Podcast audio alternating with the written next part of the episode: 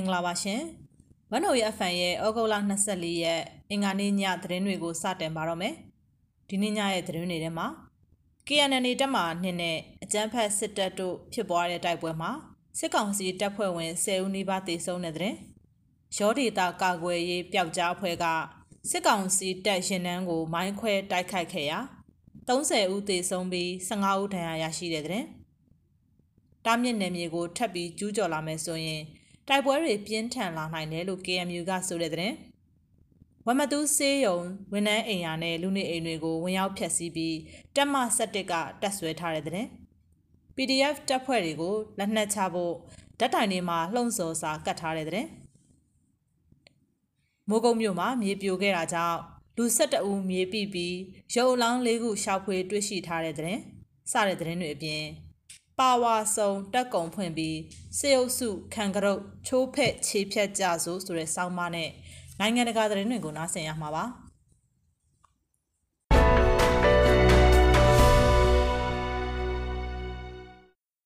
KNN တက်မဟာနှစ်နယ်မြေဖြစ်တဲ့တောင်ငူခရိုင်ထန်းတပင်ထောထထူမြို့နယ်မှာအင်အားဖြစ်တင်လာတဲ့အကြမ်းဖက်စစ်ကောင်စီတပ်နဲ့ KMDO တရင်လေးတို့ဟာ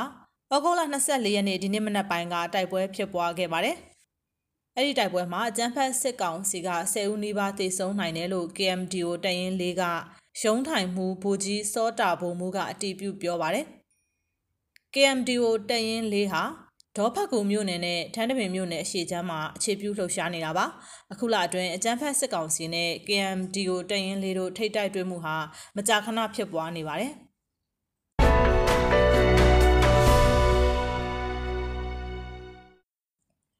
ဂံကောကလေးလမ်းမကြီးပေါ်မှာစစ်ကောင်စီရင်နှန်းကိုမိုင်းခွဲတိုက်ခိုက်နိုင်ခဲ့တာကြောင့်စစ်သား30လောက်သေဆုံးပြီး15ဦးလောက်ဒဏ်ရာရရှိသွားတယ်လို့ပျောက်ကြားတပ်ဖွဲ့ကထုတ်ပြန်ပါတယ်။စကိုင်းတိုင်းဒေသကြီးဂံကောကလေးလမ်းမပေါ်မှာဩဂုတ်လ23ရက်နေ့ကဖျက်တမ်းမောင်းနှင်လာတဲ့စစ်ကောင်စီတပ်ရှစ်စီးပါရင်နှန်းကိုမိုင်းခွဲတိုက်ခိုက်ခဲ့တာမှာကားသုံးစီးကိုထိမှန်သွားပြီးနောက်တိုက်ပွဲဖြစ်ပွားခဲ့ပါတယ်။ရောဒေတာကာကွယ်ရေးတပ်ဖွဲ့ YDF ကသူတို့ရဲ့လူမှုကွန်ရက်စာမျက်နှာမှာဗီဒီယိုနဲ့တကွထုတ်ပြန်မှုမှာ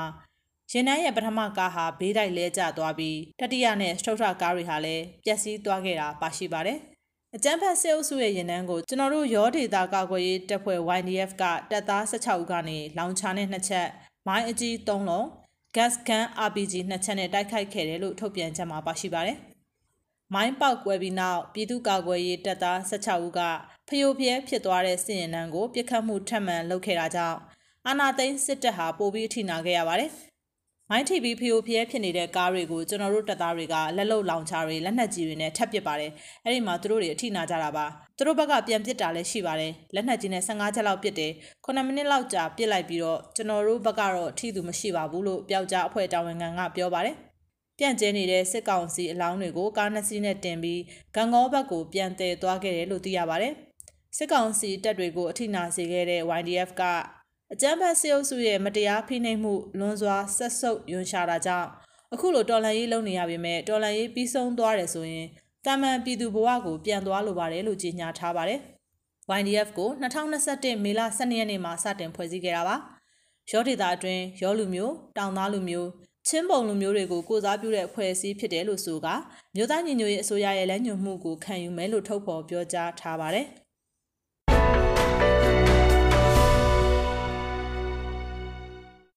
တားမြစ်နယ်မြေကိုထပ်မံကျူးကျော်လာမယ်ဆိုရင်တိုက်ပွဲပြင်းထန်လာနိုင်တယ်လို့ KMU ဒူးပလာယာခရိုင်ကဩဂုတ်လ24ရက်နေ့ဒီနေ့မှထုတ်ပြန်ပါတယ်။ကော့ဂရိတ်မြို့နယ်ကမိုင်ကုန်းရွာမှာရှိတဲ့ဘုံကြီးကျောင်းထဲမှာတက်ဆွဲထားတဲ့အကြမ်းဖက်စစ်အုပ်စုထံကို BGF အင်အား30လောက်ကရိတ်ခါတွေတဲဆောင်လာပြီးအင်အားထပ်မံဖြစ်တင်းက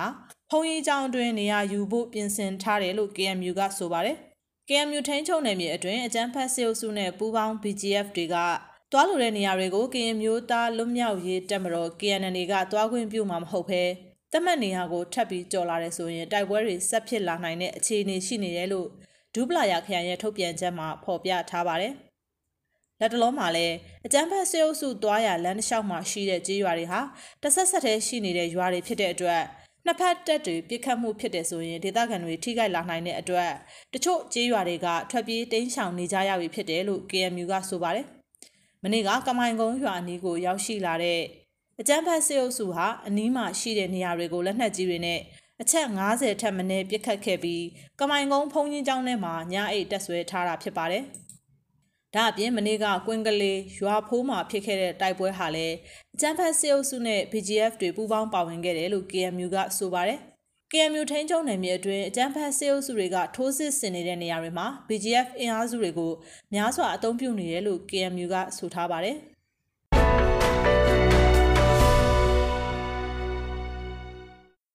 ချင်းပြည်နယ်မင်းတပ်မြို့နယ်ဝမတူးတိုင်းနယ်စေယုံဝင်းမှာရှိတဲ့ဝန်ထမ်းအိမ်ယာတွေနဲ့ဆရာဝန်နေမှန်တကားတွေကိုဖျက်ဆီးပြီးစစ်ကောင်စီကဝန်ရောက်တက်ဆွဲနေပါတယ်။ ဝမတူးကျေးရွာမှာရှိတဲ့နေအိမ်တွေကိုလည်းဖျက်ဆီးတာအိမ်တွင်းပစ္စည်းတွေကိုဖျက်ဆီးတာနဲ့အိမ်အချို့မှာဝန်ရောက်နေထိုင်တာတွေပြုလုပ်နေတာဟာတမ17ဖြစ်တယ်လို့မြစည်းမကစုံစမ်းသိရှိရပါတယ်။ဝမတူးကျေးရွာရဲ့အနီးပတ်ဝန်းကျင်ကျေးရွာတွေဖြစ်တဲ့ထုံကိန်းရွာမှာမွေးမြူထားတဲ့ကြက်ဝက်တွေကိုတပ်ဖြတ်စားတောက်ခဲ့ကြပြီးခွေရင်ရွာကိုလည်းလက်နက်ကြီးတွေနဲ့ပစ်ခတ်ခါဝင်လာတဲ့အတွက်ရွာလုံးကျွတ်ထွက်ပြေးတင်းရှောင်နေကြရတယ်လို့သိရပါတယ်။ ဝမတူးကျေးရွာဟာစစ်ကောင်စီအဖွဲ့ဝင်ဦးမောင်းဟာရဲ့ဖခင်ဖြစ်သူချင်းမျိုးသားခေါင်းဆောင်ဦးဝမတူးမောင်းရဲ့ဇာတိဖြစ်ပါတယ်။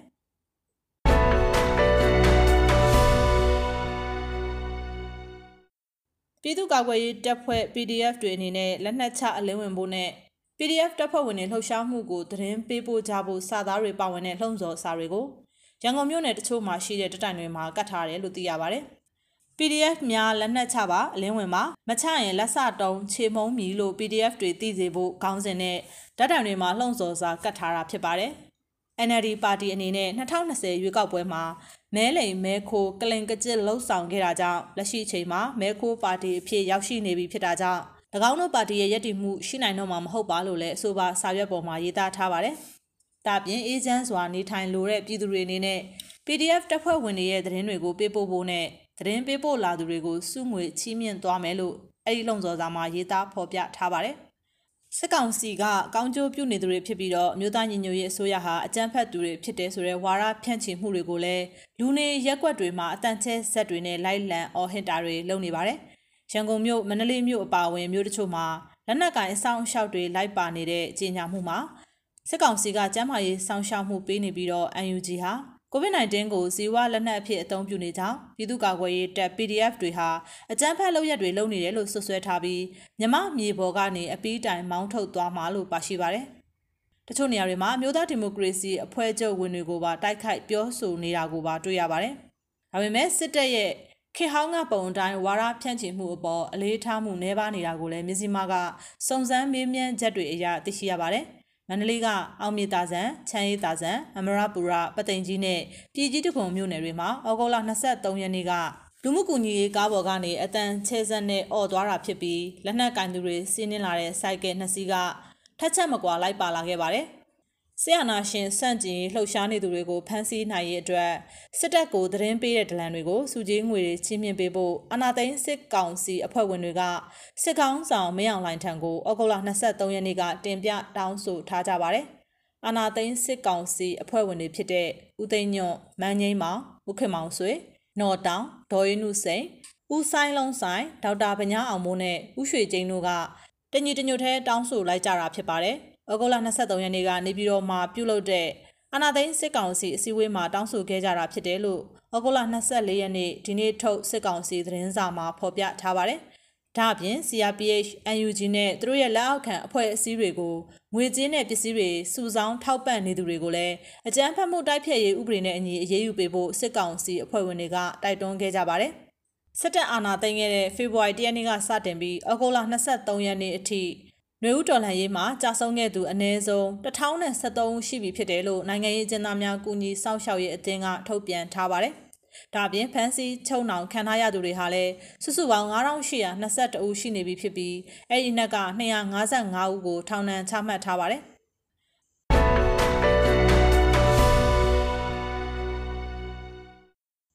မိုးကုတ်မြေပြိုမှုမှာနေအပြက်အစည်းတွေနဲ့အတူလူ၁၁ဦးမြေပြီးခဲ့ပြီး ဒီနေ့နေ့လယ်အထိရုံအလောင်း၄ခုကိုရှာဖွေတွေ့ရှိထားတယ်လို့ဒေသခံလူမှုကူညီရေးအဖွဲ့တွေကဆိုပါတယ်။မိုးကုတ်မြို့အနောက်ပိုင်းအောင်တစ်လွင်ရက်ကွက်မှာဒီနေ့မနက်6နာရီက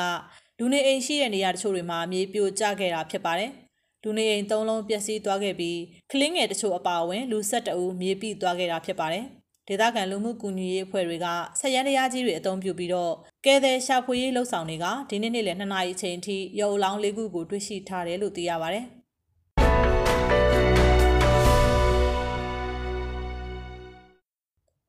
ပျောက်ကြားတပ်ဖွဲ့တွေနဲ့အနုနီးနဲ့အာနာဖီဇန်နေသူတွေကိုငွေကြေးထောက်ပံ့ကူညီနေတယ်လို့ဆိုကယာယီပိတ်သိမ်းဖို့စစ်ကောင်စီကညွှန်ကြားထားတဲ့ KBZ ပေးစရင်လှုပ်ဝက်စာပေါက်ကြားလာခဲ့ပါတယ်။မြစည်းမကရရှိထားတဲ့ပြည်သူ့ကာကွယ်ရေးတပ် PDF နဲ့အကြမ်းမဖက်အာနာဖီဆန်ရေး CDN လုပ်သူတွေကိုထောက်ပံ့နေရဲဆိုတဲ့စင်းဟာဒဇယ် CDN Sport တင် PDF Sport Donate and Open Your Have Let's Donate and Take a Remedy စတဲ့နာမည်တွေနဲ့တယ်လီဖုန်းနံပါတ်တွေပါရှိပါတယ်။ဗန်အကြီးတန်းအရာရှိကြီးတဦးကပိတ်သိမ်းတဲ့စီရင်မှန်ကန်ကြောင်းနဲ့အာနာသိန်းစစ်တပ်ကညွှန်ကြားချက်ဖြစ်တယ်လို့ပြောပါတယ်။ဒဇယ် CDN Sport တင်ကလည်းလူငွေလက်ခံတဲ့အကောင့်ပိတ်ခံလိုက်ရပါတယ်။19ရက်နေ့ညပိုင်းမှာပိတ်ခံရတာကိုစသိတာပါလို့မစ္စည်းမကိုပြောပါတယ်။မြို့သားညီညွတ်ရေးအစိုးရ UNG ကရောင်းချတဲ့ຫນွေဦးထီဝယ်ယူတာတဆင့်ရောင်းဝယ်တာငွေလွှဲတာတွေပြုလုပ်နေရလို့ယူဆတဲ့ KBZ ပေးအကောင့်40ကိုဆိုင်းငံ့ပိတ်ပင်ပြီးအကောင့်ပိုင်ရှင်တွေထံကသတင်းအချက်လက်တွေကိုပေးပို့ကြဖို့ကိုလည်းညွှန်ကြားထားတယ်လို့ဗန်အတိုင်းဝိုင်းကသတင်းအရင်းမြစ်တွေကမကြသေးခင်ကမြစည်းမကိုပြောထားပါတယ်။အကောင့်တွေဟာ level 2ဖြစ်တာငွေလဲရတဲ့အကြောင်းရင်းရေးသားဖော်ပြချက်မှာຫນွေဥထီနဲ့ပတ်သက်တဲ့အကြောင်းအရာတွေပါရှိတာစတာတွေကိုအဓိကစစ်ဆေးကပိတ်ခိုင်းတာဖြစ်တယ်လို့သိရပါတယ်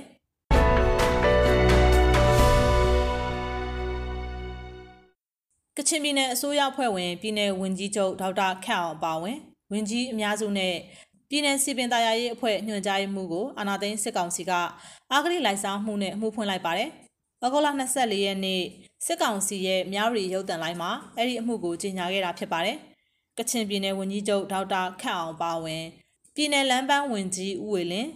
စီမံဘဏ္ဍာဝန်ကြီးဦးဝင်းညော်လူမှုရေးဝန်ကြီးဦးနေဝင်းစီပင်ဝန်ကြီးဦးနော်လီ တယံဇာတဝန်ကြီးဦးဒါရှိလက်ဆိုင်လာဝကဝန်ကြီးဦးစော်ဝင်းနဲ့စီပင်သားရညွှန်ကြားရေးမှူးဦးစိုးနိုင်တို့ကိုအာဂရိအမှုနဲ့စစ်ကောင်စီကတရားစွဲဆိုခဲ့တာဖြစ်ပါတယ်။မြို့သားဒီမိုကရေစီအဖွဲ့ချုပ်အစိုးရလက်ထက်ကမြကြီးနားဗမော်ပြည်တော်စုလမ်းပိုင်းအဆင့်မြင့်ဖို့ AC နိုင်လွန်ကတ္တရာခင်းရမှာဘာချက်မကြသေးပဲစီမံကိန်းကိုစောလင်စွာလှုပ်ဆောင်ထားတယ်ဆိုပြီးဆွဆွဲကတရားစွဲခဲ့တာဖြစ်ပါတယ်။ ဒါအပြင်ပြည်내အစိုးရအဖွဲ့တွေဟာစီမံကိန်းတင်တာတွေခေါ်ယူရမှာပွင့်လင်းမြင်သာမှုမရှိတာမြန်မာတရုတ်နယ်စပ်ဂိတ်တွေကိုတွားရောက်စစ်ဆေးရမှာဒေတာထွက်တည်တည်ချင်းဖာတွေကိုတစိုးလက်ဆောင်အဖြစ်ခံယူတာနေဆက်ဂိတ်တွေမှာဖမ်းဆီးရမိတဲ့တရားမဝင်မြေဩဇာတွေကိုတင်နာခေါ်ယူရောင်းချရငွေကနေစုချင်းငွေတွေလက်ခံထားတာစတာတွေကြောင့်အဂရိမှုနဲ့တရားစွဲဆိုတာဖြစ်တယ်လို့စစ်ကောင်စီရဲ့မြရီရုပ်တံလိုင်းကကြေညာထားပါတယ်။ ဒါအပြင်မြေကြီးနားဖားကတ်မြို့တွေမှာအမျိုးသားဒီမိုကရေစီအဖွဲ့ချုပ်ရုံးတွေဆောက်လုပ်ဖို့စီးပွားရေးသမားတွေထံကနေငွေကြေးရယူထားတယ်လို့လည်းဆွဆွဲထားပါတယ်။မြေကြီးနားမြို့ပေါ်ရက်ကွက်တချို့မှာရှိတဲ့လမ်းမကြီးတွေနဲ့တရားတွေကိုကြားပြန့်အစီအစဉ်နဲ့စီပင်သားရေးအဖွဲ့ကပြုပြင်လှုပ်ဆောင်ခဲ့တာတွေကိုအာဂရိမှုနဲ့တရားစွဲဆိုတာဖြစ်တယ်လို့အကြံဖတ်စစ်ကောင်စီကဆိုထားပါတယ်။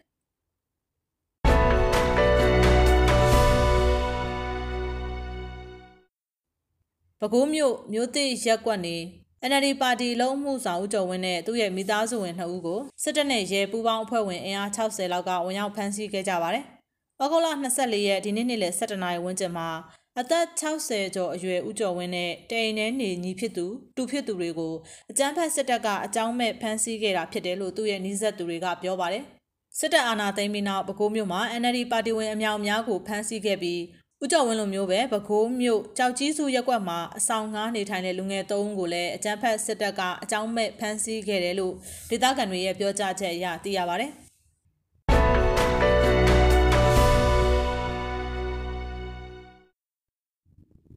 မကွေးတိုင်းဒေသကြီးရေနံချောင်းမြို့မြို့မမြောက်ရက်ကွက်နေထိုင်တဲ့အသက်16နှစ်အရွယ်တက္ကသိုလ်ကျောင်းသူမဆုပြည့်အောင်ကို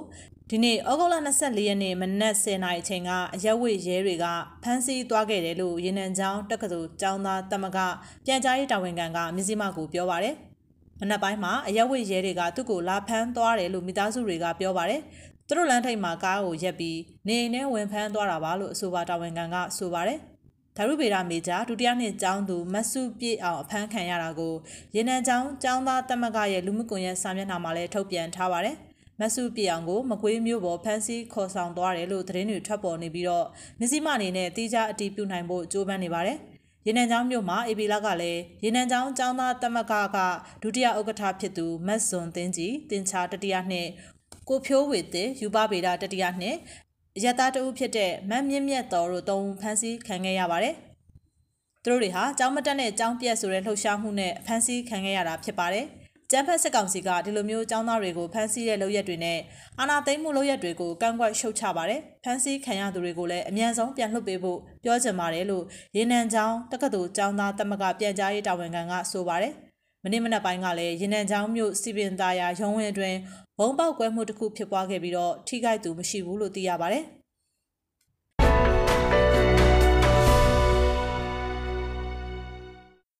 ပါဝါဆောင်တက်ကုံဖွင့်ပြီး စေအုပ်စုခံကြတော့ချိုးဖက်ခြေဖြတ်ကြဆိုဆိုတဲ့ဆောင်းပါးကိုနားဆင်ပါရှင်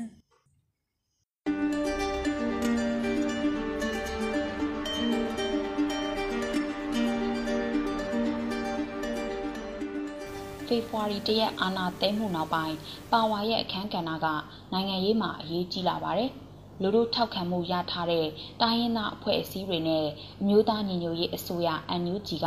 ဘာတွေအားကောင်းနေသလဲ။ ပါဝါကိုလက်နက်နဲ့တိဆောက်ထားတဲ့စစ်အုပ်စုဇက်သိမ်းရေးအတွက်ဘယ်ပါဝါတွေကိုချိုးဖျက်ဖို့လိုသလဲဆိုတာအရေးကြီးလာပါပြီ။နိုင်ငံရေးမှာပါဝါအမာလို့ခေါ်တဲ့ hard power နဲ့ပါဝါအပြော့လို့ခေါ်တဲ့ soft power ဆိုပြီးရှိပါတယ်။ဒီပါဝါပြော့ပါဝါမာတွေကိုကျင့်သုံးတဲ့နည်းလမ်းတွေကတီးခြားစီရှိနေတာပါ။ hard power ကတော့ဖိအားပေးတိမ့်သွင်းတဲ့နီလန်းဖြစ်ပြီး soft power ကတော့ဆွဲဆောင်တဲ့စီးရုံးတဲ့နီလန်းဖြစ်ပါတယ်။ နိုင်ငံရေးရာကိစ္စတွေကို စီမံခန့်ခွဲတဲ့နေရာမှာ ဒီပါဝါရဲ့အခန်းကဏ္ဍက အရေးကြီးပါတယ်။ဒီပါဝါနီလန်းတွေကိုဘလို့သုံးမလဲဘလို့တီဆောင်မလဲဆိုတာဟာ အရေးကြီးပါတယ်။လက်ရှိနိုင်ငံရေးဖြစ်စဉ်မှာ အတိုက်ခံဒီမိုကရက်တစ်တွေနဲ့ စစ်အုပ်စုပါဝါပြိုင်ဆိုင်မှုအပြင် ထည့်တွက်ရမယ့် နောက်ထပ်ပါဝါတစ်ခုကတော့ လူမှုပါဝါဖြစ်ပါတယ်။နှွေဦးတော်လန်ရေးကို စတင်လိုက်တဲ့လူမှုစစ်အုပ်စုကို နေ့စဉ်မပြတ် အာခံတော်လန်နေတဲ့ လူမှုရဲ့ပါဝါပဲဖြစ်ပါတယ်။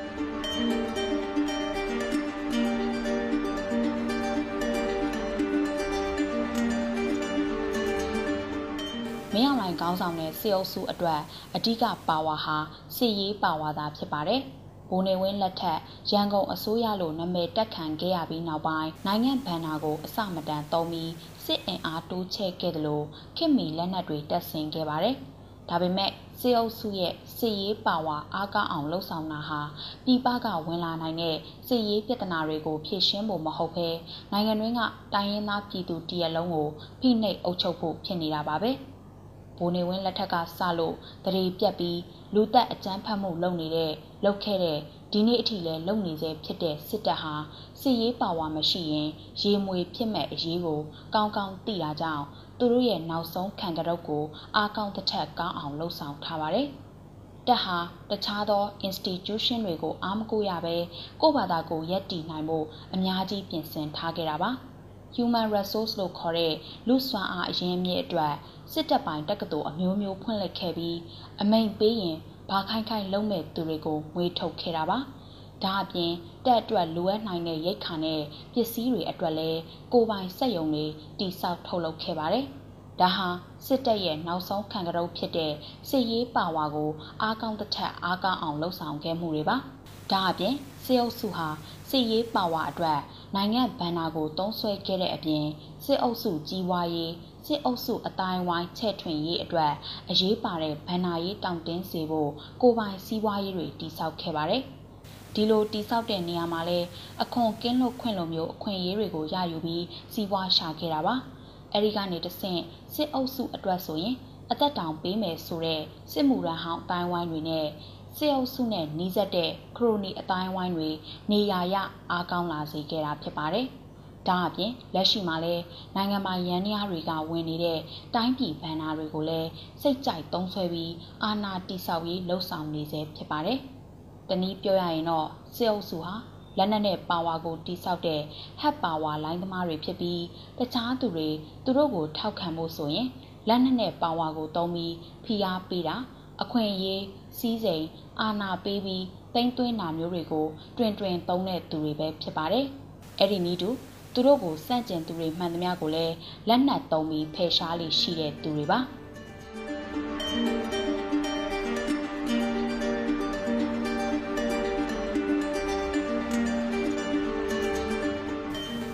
နိုင်ငံရေးဖြစ်စဉ်မှာတရားဝင်မှုဆိုတာကိုဒီဂျူရီဆိုတဲ့ဥပဒေကြောင်းအရာဒါမှမဟုတ်ရွေးကောက်ပွဲအရာတရားဝင်မှုနဲ့ဒီဖက်တိုဆိုတဲ့လက်တွေ့အရာတရားဝင်မှုဆိုပြီးခွဲခြားထားပါတယ်။ မင်းအောင်လှိုင်ခေါင်းဆောင်တဲ့စစ်အုပ်စုဟာဒီဂျူရီအရာကောဒီဖက်တိုအရာကောအခုအချိန်ထိတရားမဝင်သေးဘူးလို့ဆိုရမှာပါ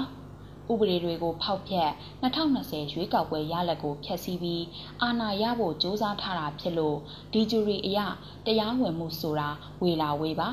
နောက်တစ်ခုကတော့ဒီဖက်တိုအရာတရားဝင်မှုပါ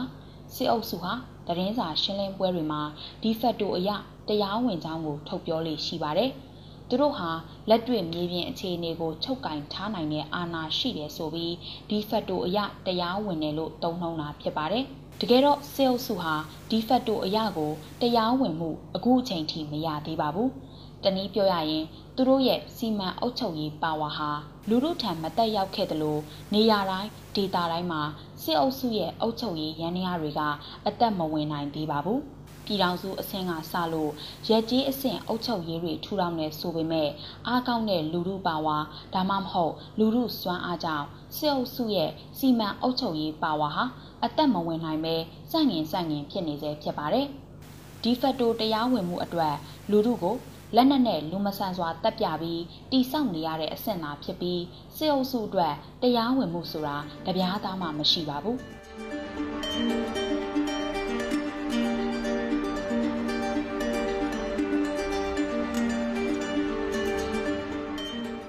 2020ရွေးကောက်ပွဲကနေဖြစ်တည်လာတဲ့ပြည်ထောင်စုလွှတ်တော်ကိုစားပြုကော်မတီ CRPH အဲ့ဒီနီတူအဲ့ဒီကနေတဆင့်တိုင်းရင်းသားတွေနဲ့ညှိနှိုင်းပြီးဖြစ်တည်လာတဲ့ NUG အစိုးရတို့မှာဥပဒေကြောင်းအရ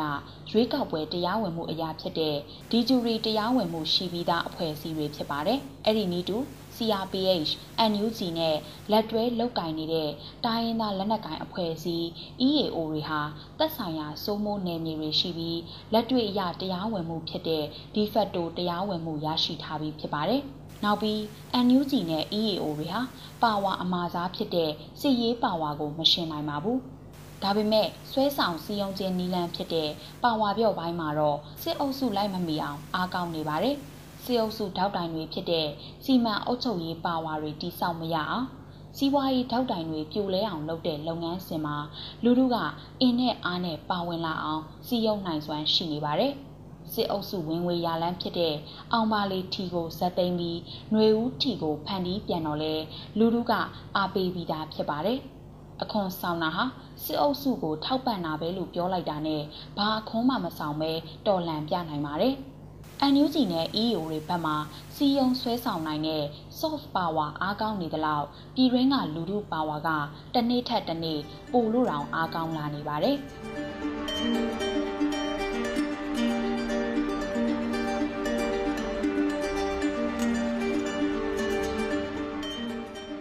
စစ်အုပ်စုနဲ့နိုင်ငံရေးသမားတွေဟာလူထုအင်အားလူထုပါဝါကို short တွက်ခဲ့ပါတယ်။ စစ်တပ်အာဏာသိမ်းပြီး3ရက်အကြာဖေဖော်ဝါရီ4ရက်မှာရန်ကုန်စမ်းကြောင်းကစလို့လူငယ်ခေါင်းဆောင်တွေက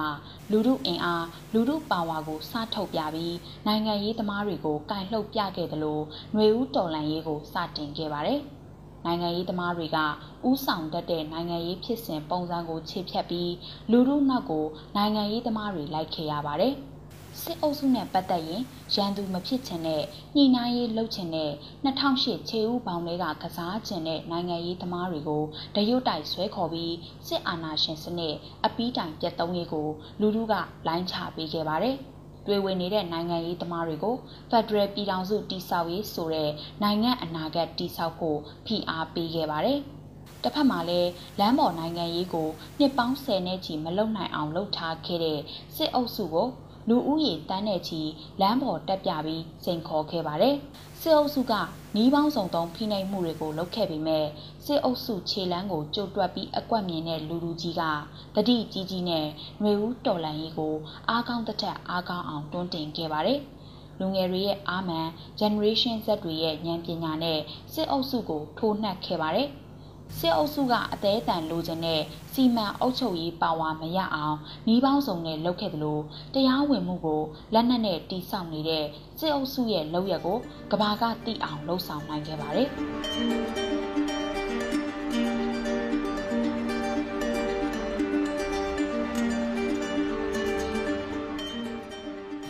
စ်အုပ်စုတက်ဆိုးရှိနေတာဟာခံကရုတ်ကောင်းကောင်းတုတ်ထားတဲ့စီရေးပါဝါကြောင့်ပဲဖြစ်ပါတယ်။ တရားဝင်မှုဆိုတာတပြားသားမှမရှိသလိုလူမှုနဲ့နိုင်ငံတကာကပိတ်ဆို့မှုတွေကြောင့်သူတို့ရဲ့စီးပွားရေးထောက်တိုင်တွေကချိနဲ့နေပြီဖြစ်ပါတယ်။ငကိုကလေးကတိဆောက်ထားတဲ့တပ်ပိုင်စီးပွားရေးထောက်တိုင်တွေ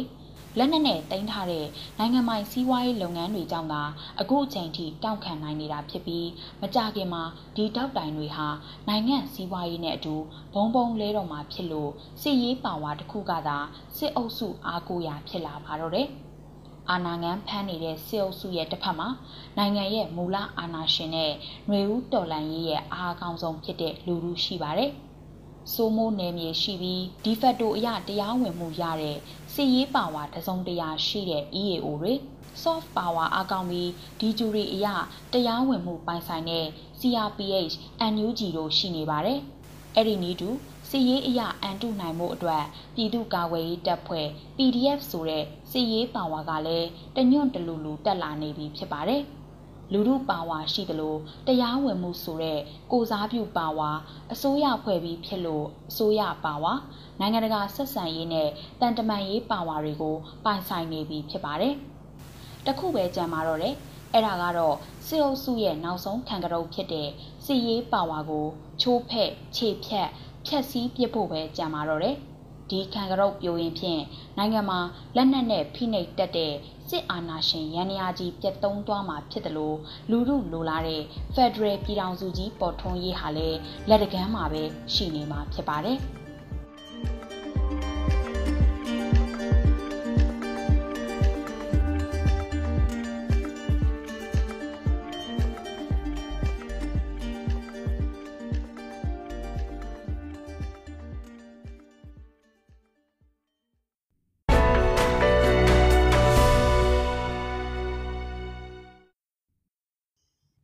ဆက်လက်ပြီးတော့နိုင်ငံတကာသတင်းတွေကိုတင်ဆက်ပေးမှာပါ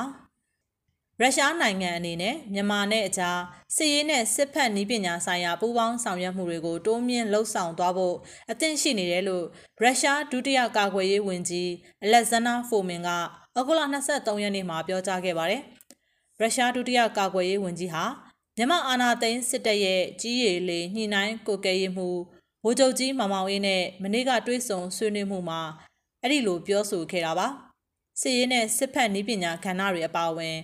ကျွန်တော်တို့နှစ်နိုင်ငံအကြားဆက်ဆံရေးကိုထပ်မံအားကောင်းတိုးတက်စေဖို့လှုံ့ဆော်သွားပါမယ်မြန်မာနိုင်ငံဟာအာရှပစိဖိတ်အရှေ့တောင်အာရှဒေသမှာကျွန်တော်တို့ရဲ့မဟာဗျူဟာကျယုံကြည်စိတ်ချရတဲ့ပါတနာဖြစ်ပါတယ်စိတ်မကောင်းစရာကတော့မြန်မာနိုင်ငံကပြည်တွင်းနိုင်ငံရေးအခြေအနေဟာအတော်လေးဆိုးဝါးနေပါတယ် ဒါပေမဲ့မြန်မာကောင်းဆောင်ပိုင်းကတည်ငြိမ်မှုရဖို့အတက်နိုင်ဆုံးစူးစမ်းနေတယ်ဆိုတာကျွန်တော်တို့သိပါတယ်လို့ရုရှားဒုတိယကာကွယ်ရေးဝန်ကြီးဖိုမင်ကပြောသွားခဲ့ပါတယ်။ရုရှားစစ်လက်နက်ပြပွဲအာမီ2021ကိုတက်ရောက်လာတဲ့မြန်မာစစ်တပ်ကိုယ်စားလှယ်အဖွဲ့ဟာရုရှားထုတ်အမျိုးအစားစုံလင်တဲ့လက်နက်တွေကိုမြင်ရနိုင်မဲ့ထူးခဲ့တဲ့အခွင့်အလမ်းတစ်ခုရရှိမှာဖြစ်တယ်လို့ဖိုမင်ကပြောကြားခဲ့ပါတယ်။ ရုရှားနိုင်ငံမော်စကိုမြို့မှာပြုလုပ်တဲ့နိုင်ငံတကာစစ်ဖက်နည်းပညာဖိုရမ်အာမီ2021နဲ့နိုင်ငံတကာစစ်တပ်စွမ်းရည်ပြိုင်ပွဲဖွင့်ပွဲအခမ်းအနားမှာခမားတို့ကိုကျွန်တော်တို့ဝမ်းမြောက်ဝမ်းသာကြိုဆိုပါရစေ။ဒီအခမ်းအနားကိုတက်ရောက်လာတဲ့အတွက်ကျွန်တော်တို့ကျေးဇူးတင်ကြပါတယ်။ခမားအနေနဲ့ဒီကျွန်တော်တို့ရဲ့ပြပွဲမှာကိုစားပြုတဲ့တခြားနိုင်ငံတွေနဲ့ ရုရှားထုတ်လုပ်သူတွေရဲ့လက်နက်တွေနဲ့စစ်ဖက်ပစ္စည်းတွေကိုတွေ့မြင်ရမယ့်ထူးကဲတဲ့အခွင့်အလမ်းတစ်ခုကိုရပါလိမ့်မယ်လို့ရုရှားဒုတိယကာကွယ်ရေးဝန်ကြီးကပြောသွားခဲ့တယ်လို့သိရပါတယ်။အစည်းအဝေးမှာနှစ်နိုင်ငံကာကွယ်ရေးဝန်ကြီးဌာနတွေအကြားဗတ်စုံပူးပေါင်းဆောင်ရွက်မှုတွေကိုဖြည်းဖြည်းမှန်မှန်ခိုင်မာအောင်တည်ဆောက်သွားကြဖို့နှစ်ဖက်စလုံးကဆုံးဖြတ်ထားကြောင်းကိုလည်းထပ်လောင်းအတည်ပြုဆွေးနွေးသွားခဲ့တယ်လို့အစည်းအဝေးပွဲအပြီးရုရှားကာကွယ်ရေးဝန်ကြီးဌာနကသတင်းထုတ်ပြန်ချက်တစ်ခုမှာပြောထားပါတယ်။